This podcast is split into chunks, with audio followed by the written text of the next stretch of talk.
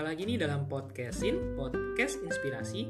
Nggak sampai 5 menit tentang hal-hal sederhana yang di sekitar kita. Kalau kita memaknainya, mungkin kita bisa dapat inspirasi di dalamnya. Nah dalam episode kali ini, saya akan mengangkat judul tentang dilunaskan hutangnya. Waduh kok bicara tentang hutang nih? Enggak, enggak Ini hanya sebuah ilustrasi supaya kita dapat mengerti sesuatu yang kita bisa dapat. Nah ada seorang tuan tanah, atau tuan lah ya. Dia mempunyai dua orang hamba. Nah, si hamba A mempunyai hutang 50 juta rupiah. Jadi si A ini diberikan hutang dulunya 50 juta rupiah. Lalu hamba yang B atau si B dia diberi hutang 5 juta rupiah.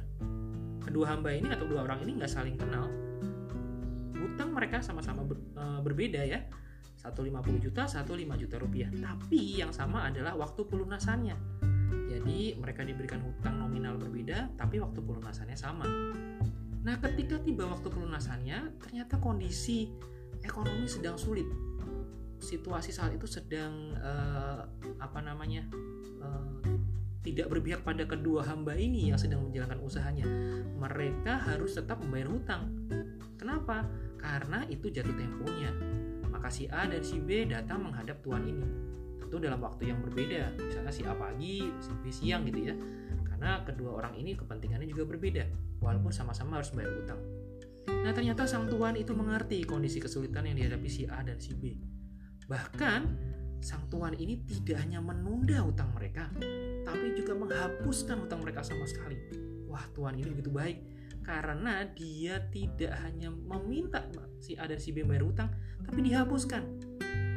Nah tentu saja dari Eh, kedua orang ini, kedua hamba ini sangat bersyukur untuk anugerah yang mereka terima karena mereka nggak pernah duga sama sekali.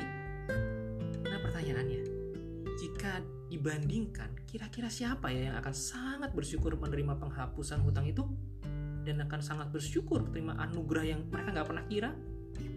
Pasti dong jawab kita si A yang punya hutang lebih banyak yaitu 50 juta rupiah.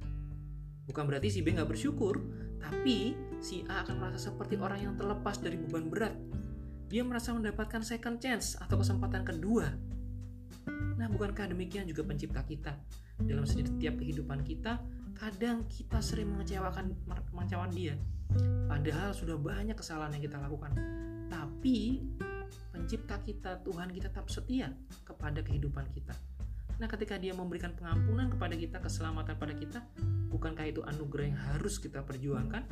Anugerah yang harus kita syukuri. Karena sebenarnya kita nggak berjuang untuk dapat anugerah itu. Tapi kita mendapatkannya. Seperti hamba A tadi. Kita hutang banyak, tapi tiba-tiba kita nggak suruh bayar, tapi malah dilunaskan.